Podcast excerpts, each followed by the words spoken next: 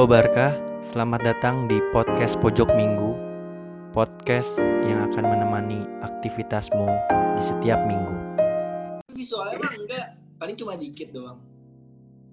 Ya udah udah. Uh, Eh, balik lagi di podcast Pojok Minggu. Kali ini akan membahas sebuah isu yang lagi hangat Diperbincangkan karena mulai bermunculan kasus-kasusnya. Dan sebenarnya di Instagram juga ada di buat story sama gua. Kali ini akan ngebahas tentang isu pelecehan seksual di kalangan perempuan. Dan kali ini nggak sendirian kali ini sama temen gue sama Gezi. Halo Gezi. Oh, gue Gazi. luar biasa. Gimana pandemi? Di rumah aja guys Ini di rumah terus, nggak ke mana-mana, gak ada penghasilan. Stres nggak sih stres banget anjing gue lebih stres organisasi sih, kayak banyak buat yang online. Kayak esensinya hilang, gue kayak, kayak jadi budak aja tugas Hmm. mulu. keren keren terus gimana tuh kuliah semester depan gimana Gue ini sih eh, masih online sampai kapan ya? Soalnya masih lama mulai mulai KBM tuh mulai dari September, ini masih dua bulan lagi. oh, lu belum uas ya udah uas belum sih UAS gue udah, eh, UAS gue Juni selesai. gue mah udah selesai ini dari kapan tahu bentar lagi semester 3 gue aduh. Iya, dari dari Maret baru balik ke sini udah berapa bulan anjir gabut banget. Enggak, gue di, di rumah aja nih. Berapa kali cuma berapa Iya, kali sama. keluar. Oke, sekarang mau ngebahas tentang isu uh, pelecehan seksual. Sebelumnya, uh, udah di storyin di Instagram gitu. Terus, kebanyakan orang tuh menyalahkan bukan pada gue kirim nih di line nih. menyalahkan Oh iya nih, bukan pada ininya apa menyalahkan rata-rata cowok kayaknya bukan menyalahkan pakaian perempuan karena menurut mereka ya perempuan sah-sah aja gitu pakai baju apa pun. Selama eh, kayaknya tergantung diri laki-lakinya gitu. Kayaknya kalau di ruang terbuka apakah dia akan nafsu terus dia akan melakukan pelecehan seksual? Tapi gue kan mau nanya sedikit dulu sama lu sebelum kita lebih jauh. Sejauh mana sih eh, orang atau perempuan bisa dikatakan atau dikategorikan masuk ke dalam pelecehan seksual. Sampai mana gitu? Apakah cuma atau dia ngerasa atau sakit hati ketika dia di eh gede banget itu lu nah itu kayak gimana tuh? Menurut Hmm. gimana? Eh, menurut gue sih eh, untuk salah satu indikator kenapa eh, satu cewek itu bisa ngerasa dilecehin menurut gue kalau dia udah ngerasa eh, mungkin gak nyaman pertama kayak ya misalnya lu lagi jalan terus kayak bilang eh lu gede banget ya kan kayak apaan sih? gitu loh. Itu kayak lu udah ngebahas eh, topik yang pribadi maksudnya itu kan kayak eh, apa ya emang hal yang gak pantas buat dibahas juga. Apalagi kalau lu udah sampai masuk ke eh, ranah yang fisik kenapa? Lu udah mulai senggol-senggol lah segala macam kan udah lebih parah lagi masuknya apalagi kalau kayak pemerkosaan kayak gitu. Jadi ya menurut gue itu sih em, di mana eh, mereka eh, sebenarnya mereka pakai baju yang kayak terbuka itu itu be- hak hak mereka gitu loh. Kayak ya udah lu kita sebagai cowok juga mau pakai baju terbuka juga bodo amat lah gak ada yang larang kan. Jadi Hmm. kenapa mereka sampai dilarang gitu ya mungkin ya itu sih pandangan yang berbeda aja. Tapi kadang orang tuh gue nggak tahu ya atau gue ngerasa bahwa lu tuh terlalu lebay gitu. Atau guanya aja terlalu tidak punya hati. Cuman kadang kalau ada perempuan yang bilang lu tuh dilecehkan atau apa gitu terus gue ngerasa kayak kayaknya enggak deh. Kayaknya biasa aja menurut gue gitu. Nah itu tuh gue masih yang kayak di titik mana atau di level mana kemudian perempuan dikategorikan oh gue tuh dilecehkan gue tuh direndahkan gitu. Gue masih bingung gitu cuman kalau lu kan sebelum awal sebelum ini direkam gue nanya ke lu lu tuh pro terhadap apa terus lu bilang lu pro terhadap pokoknya perempuan tuh punya hak terhadap pakaiannya Hmm. mereka dan Iya. seharusnya laki-laki juga menahan dirinya gitu Gak usah nafsu-nafsu banget gitu kan Iya.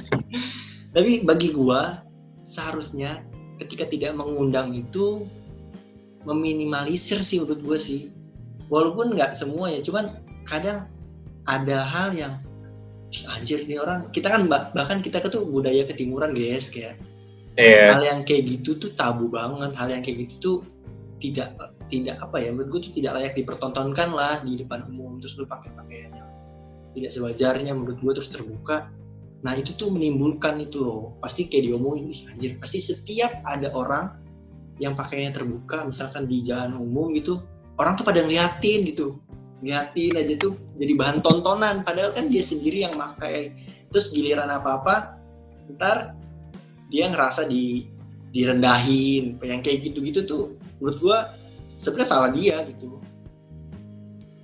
gimana menurut lu?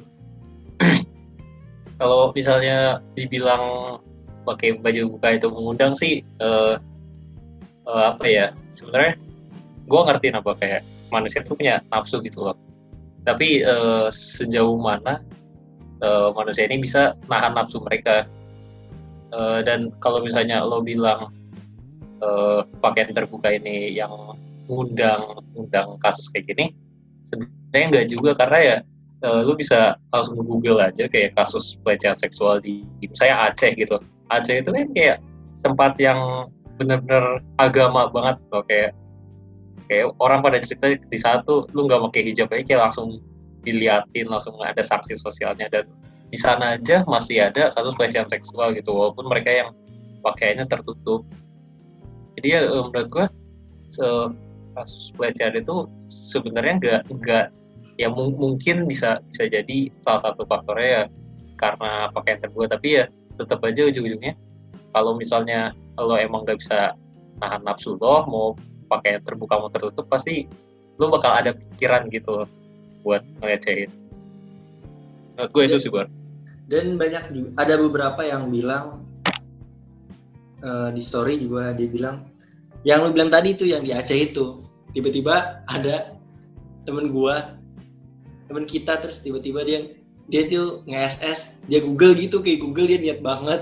Nih ada bacaannya di Aceh tuh sebenarnya perempuan-perempuan yang pakai eh, apa namanya yang tertutup pun kena gitu emang Hmm. cowoknya aja terus ada beberapa yang bilang menurut gue sih mau gimana pun tetap aja rap rap itu apa sih menurut gue mau Hmm? gimana pun Eh, perkosaan pemerkosaan itu nggak bisa dibenarkan apa pun alasannya mau pakaian Hmm. ini atau pakaian hijab syari sekalipun kalau emang diperkosa itu mau merkosa tetap aja kan kejadian contohnya banyak deh di Aceh nerapi nerapin hukum Islam pakaian diatur tetap aja ada pemerkosaan ada yang gitu.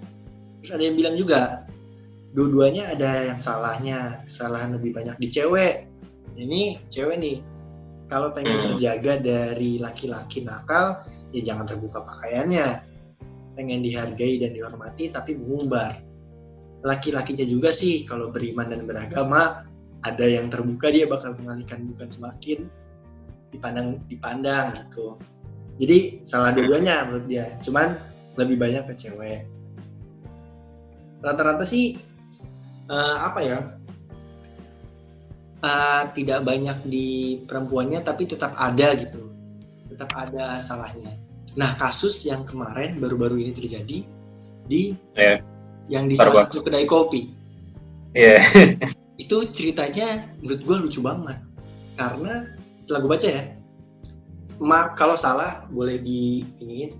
Jadi tuh gue baca dia tuh lagi eh, jadi setiap hari ceweknya tuh sebenarnya tuh kenal katanya.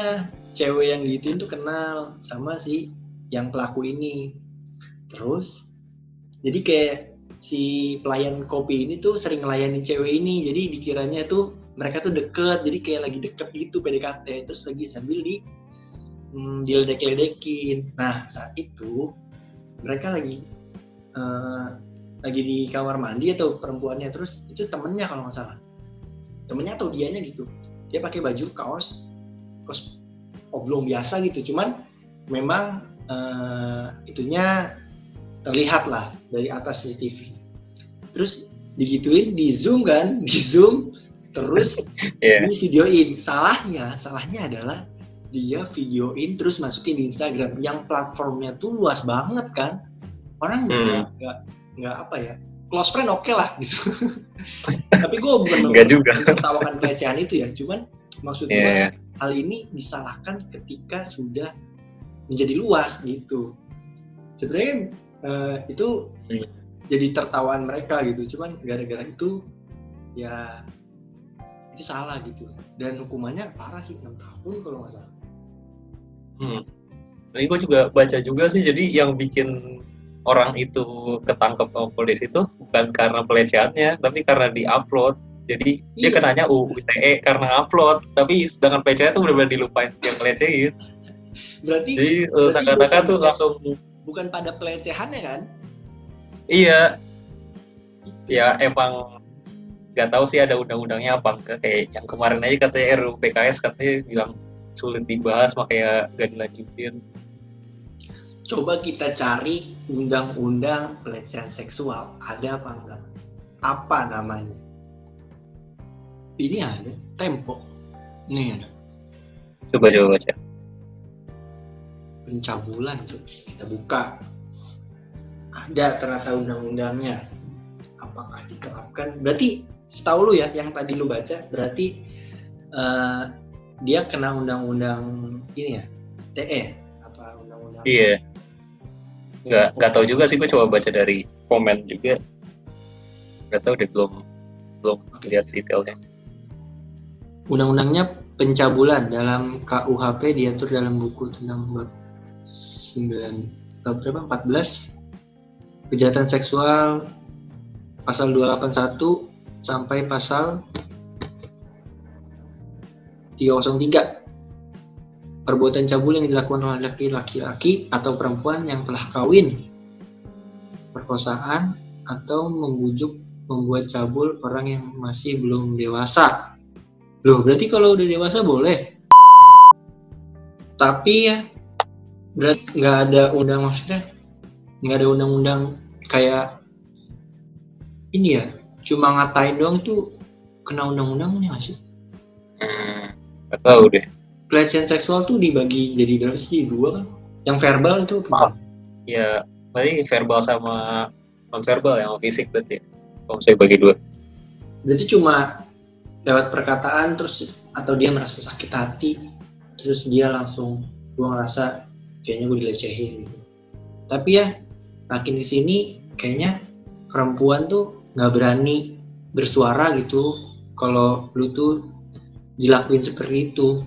Jujur ya kenapa sih? Apakah dia masa ma- malu? Malu nggak sih kalau lu cerita ke temen lu kalau lu di dilecehin gitu guys? Coba posisikan diri kita sebagai perempuan ya yang Hmm. tiba-tiba lu dilecehin gitu di jalan misalkan. Apa yang akan lu Eh, lakukan? ya mungkin eh, beda-beda gitu menurut gue responnya karena ya lo eh, di satu sisi lo shock gitu dan kayak lo masih belum menerima apa kalau tuh dilecehin. Kayak masih masih belum menerima kenyataannya. Dan eh, makanya itu eh, mungkin karena mungkin kenapa mereka misalnya takut cerita sama teman ya mungkin karena mereka sendiri tuh masih nggak nganggep itu kejadian di mereka gitu loh. Dan mereka malu cerita itu ke, ke temennya karena ya dia nggak mau ngakuin kalau dia tuh dia tuh udah dilecehin. Dan kalau misalnya eh, apa ya misalnya lu ke, ke orang publik luas gitu misalnya dari media sosial atau dan lain-lain. Ya kita lihat aja. Masih banyak orang respon yang eh, nyalain perempuannya gitu loh mungkin karena baju terbuka atau apa dan lain-lain. Jadi ya eh, di satu sisi eh, lingkungan kita itu juga eh, apa ya lebih cenderung lebih nyalain perempuannya. Dan menurut gue itu sih. Tapi lu punya satu kejadian nggak yang mungkin temen lu mungkin siapa pun terus lu dengar Oh. cerita ada nggak? Oh, iya. cerita yang nggak Ini- kayaknya wah ini orang parah banget gitu. Gue gue sampai itu gue kenal orangnya teman-teman kita bar. Iya oke. Ya em, oh, aduh ada ada banyak.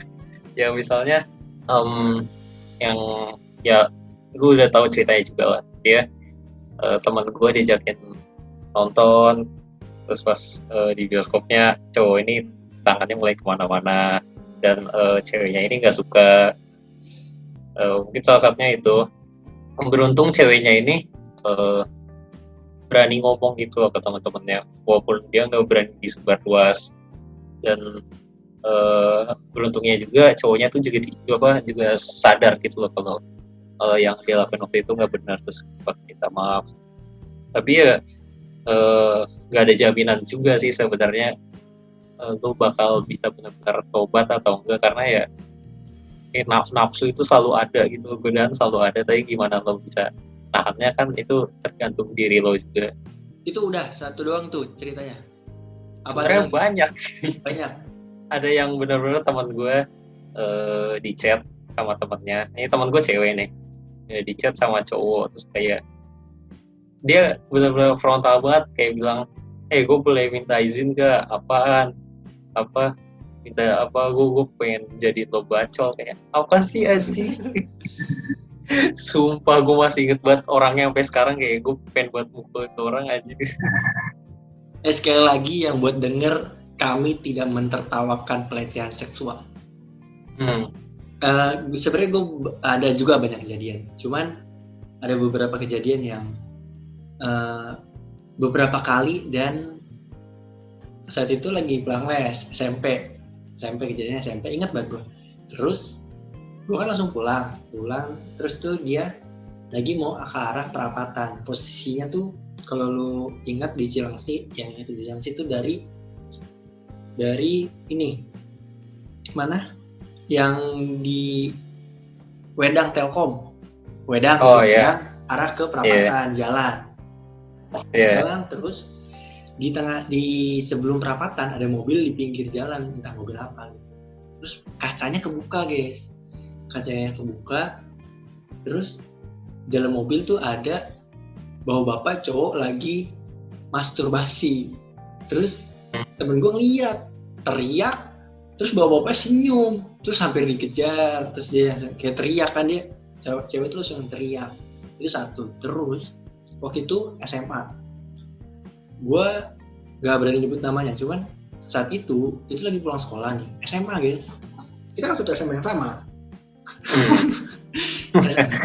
Terus dia tuh kayaknya gue tahu diceritain terus tuh tiba-tiba ada cowok entah dia uh, kerjanya apa gitu entah dia ojek atau apa tiba-tiba batangannya dia dikeluarin dari celananya ditunjukin ke cewek. Cewek kan teriak ya terus hmm. wah teriak. Dia itu tuh laki-laki yang seperti itu dia tuh sebenarnya suka terhadap teriakan perempuannya. Jadi yang kayak hmm. dia nikmatin gitu loh. Oh iya dia tuh teriak tuh dia nikmatin banget. Nah itu sebenarnya banyak dan hal-hal yang kayak gitu itu masih dasar dan kadang dia nggak mau cerita kadang bahkan apa ya malu ceritanya karena kejadian pada dirinya kayak kok gue bisa ya dikituin sama cowok segitunya padahal gue gak menggoda gitu tidak menggoda perempuannya biasa aja tapi laki-lakinya Terus kejadian ini terjadi sebenarnya banyak di beberapa kampus malah. Dan kejadian ah, iya. isu-isu ini sebenarnya muncul uh, banyak tapi tidak muncul ke permukaan karena banyaknya yang nggak mau pick up perempuannya nggak mau terbuka terhadap apa pun gitu. Bahkan ketika sudah di speak up kepada unitnya tapi unitnya juga kayak biasa aja gitu kayak malah dosennya juga misalkan sama dosen gitu. Gue tidak menyebutkan kampusnya cuman ketika di sama dosennya kejadian terus dosennya hanya dipindah dipindah jurusan dipindah fakultas itu kan bukan uh, apa bukan menghentikan kejadian yang bakal hmm. kejadian lagi nih bukan menghentikan tapi dia malah kayak menyebarkan luas gitu. Hal-hal kayak gitu. Ada guru SMP gue juga. Banyak banget. Terus mereka responnya perempuan-perempuan ini kayak ah enggak ah gue malu. Gue nggak mau ngelapor. Gue takut. Takut nilainya kecil. Takut diolok-olok sama temen-temennya. Takut banyak hal lah. Terus menurut lu solusi yang tepat dengan hal-hal yang kayak gini dari hal-hal kecil aja menurut lu kayak gimana? Sehingga perempuan ini tuh bisa cerita gitu sama orang-orang terdekatnya. Ngerasa bahwa oh iya ya gue punya temen dan gue mau cerita ke dia. Uh, menurut gue uh, yang banyak kampanye belakangan-belakangan itu yang benar-benar mendukung kayak cewek untuk speak up tentang kejadian yang dialamin uh, dan uh, gue lihat juga uh, mulai sekarang juga mulai mulai rame gitu loh maupun nggak banyak banget. Tapi orang-orang juga mulai berani untuk uh, cerita ke temennya ataupun uh, ke media sosialnya. Tapi juga di satu sisi kadang cerita mereka juga nggak direspon baik gitu loh. Ada mungkin uh, cerita ke temennya terus kayak temen temennya sendiri kayak nggak nggak ngedukung dia ketawain lah atau dia yang disalah-salahin. Terus juga dia misalnya ada yang cerita ke media sosial juga nanti ada yang komennya kayak gitu. Uh, sebenarnya uh, yang bikin apa ya mereka kadang nggak berani cerita gitu juga karena lingkungannya gitu loh. Karena kayak mereka mungkin ngelihat kasus yang serupa terjadi terus korbannya cerita responnya nyata malah menjudutkan korbannya. Terus jadi dia mikir kayak ah ngapain cerita gitu loh. Kalau ujung-ujungnya nambah masalah doang. Dan dia juga dengan dia nggak cerita dia akhirnya jadi korban lagi. Karena ya seakan orang tuh nggak tahu seakan-akan tuh ada masalah. Jadi ya menurut gue harus mulai di apa ya kita harus mulai lihat apalagi khususnya untuk kaum perempuan gitu. Kita harus melihat perempuan tuh bukan sebagai objek gitu loh. Kita kita nggak melihat uh, perempuan tuh ibaratnya kayak jadi pemuas seksual dong tuh nggak. Kayak mereka juga manusia gitu loh. Uh, kita juga harus respect mereka. Coba kayak sekarang bayangin aja misalnya ini lo lo kan cowok nih. Terus lo ya lo lo masih normal kan masih sukanya sama cewek gitu. Misalnya kalau lo dilecehin sama cowok yang suka sama cowok gitu lo terima nggak gitu? Ya, lo aja kadang kita kadang-kadang lu suka ngerasa gitu loh uh, lu sebagai cowok normal terus lu deket-deket sama cowok yang gak uh, bukan gak normal sih cowok-cowok yang gay lu jadi takut kayak takut diapain ya itu yang cewek rasain gitu. Cewek takut dijadiin uh, cewek takut diseksualisasi sama cowok yang ya kayak ibaratnya cowok yang nggak dia kenal atau yang bukan yang nggak pantas gitu loh. Kayak mereka dijadiin objek seksual ya sama kayak misalnya lo takut dijadiin objek seksual sama cowok gay. Karena pertama uh, lo berdua sebagai korban sama-sama nggak mau. Terus ya karena emang pelakunya juga sama. Kalau misalnya cowok perkosa cewek kan cowoknya maksain kehendaknya dia kan buat ke cewek ini Nah, lu juga kalau saya sebagai cowok, misalnya lo dikit sama cowok kayak ya sama juga cowok yang kayak ini maksain kehendaknya lo. Nah, gue itu sih yang bikin gue terbuka gitu eh, perspektif baru. Gimana lo bisa ngerasain apa yang korban pelecehan ini rasain. Kalau lo masih, kalau apalagi di lingkungan kita yang budayanya eh, banyak yang anti LGBT misalnya lo takut sama dideketin sama yang gay ya berarti sama. Ibaratnya cewek takut deketin sama cowok yang bakal ngelecehin dia gitu. Buat laki-laki yang dengerin ini nafsu anda tuh kayak kuda. Pas begini kayak ayam. Cuma bentar. Jadi nggak usah lah. Jelas tolong lindungi perempuan-perempuan di sekitar kalian ini jangan sampai yeah, sebenarnya lebih kemikir kayak kalau ini kejadian ke adik gue yang perempuan gimana ya? Kejadian ke uh, saudara gue yang perempuan gimana ya rasanya gitu sih? Hal itu yang mungkin tidak di apa ya nggak nggak mikir gitu. Orang-orang gitu tuh nggak mikir ke sana. Jadi tidak saling melindungi cuma pengen menang banyak aja sih sebenarnya. Iya benar. kejadian-kejadian itu kayak di tempat umum tiba-tiba begal payudara lah. Nggak hmm. gitu kan. Uh, itu segitunya gitu. Begal emang yang lain aja gitu. Tidak seperti itu gitu. Iya. begal-begal yang itu tuh anjing kami tuh begal begal motor gitu. Motor kalian mana begal bisa yang dijual. salah ini sudah salah ini ini sudah menyeleweng. Ini ajaran sesat gitu. Sebagai pemuka agama begal tuh gitu ya oke Ya. terakhir Gezi. Ini udah berapa nih? Setengah jam. Lumayan lah Gezi. Eh, Iya. lu mau ngomong apa nih? Pesan buat semuanya mungkin buat laki-lakinya buat perempuannya. Atau mungkin harapan lu ke depannya ketika eh, entah undang-undangnya atau apanya gitu diperbarui. Harapan gue sih gue pengen eh menurut gue gue pengen ngeliat semua orang tuh setara gitu. kayak lo misalnya kayak kayak lo cowok anak tongkrongan kayak lo solid buat tahun-tahun cowok lo. Tapi sedangkan cewek lo eh, gak, gak pelakuin dia gak baik lo gak respect sama dia. Terus juga di satu sisi juga banyak masyarakat yang eh, masih merendahkan cewek juga gue gue kayak berharap eh, orang-orang tuh sadar gitu loh.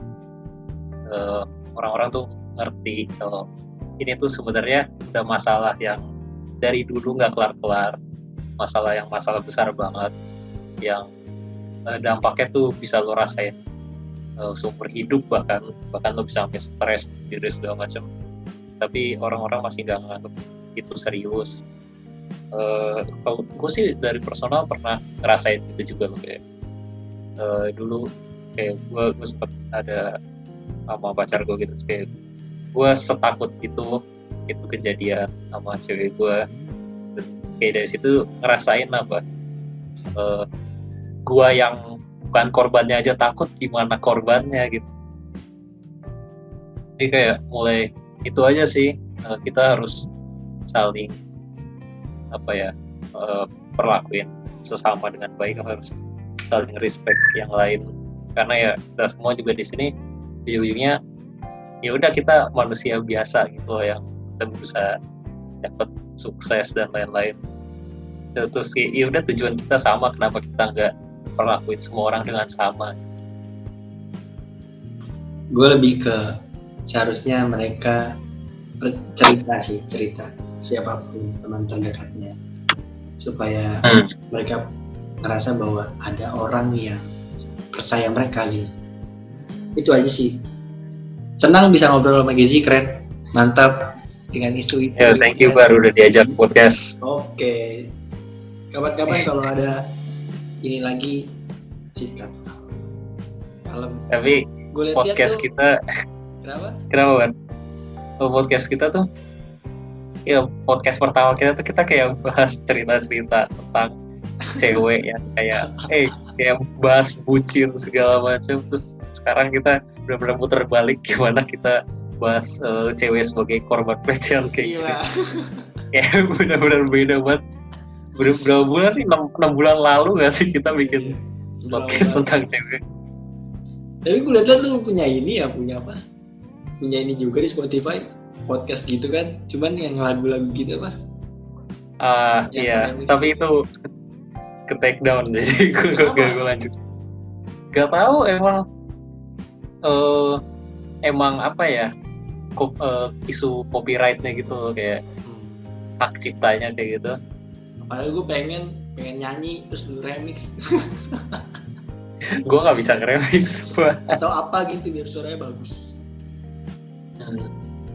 Oke guys. masih gitu ada aja. sih iya ya Gitu aja ya guys ya. oke Oke, terima Thank- kasih thank- buat semuanya. Dah. Dah.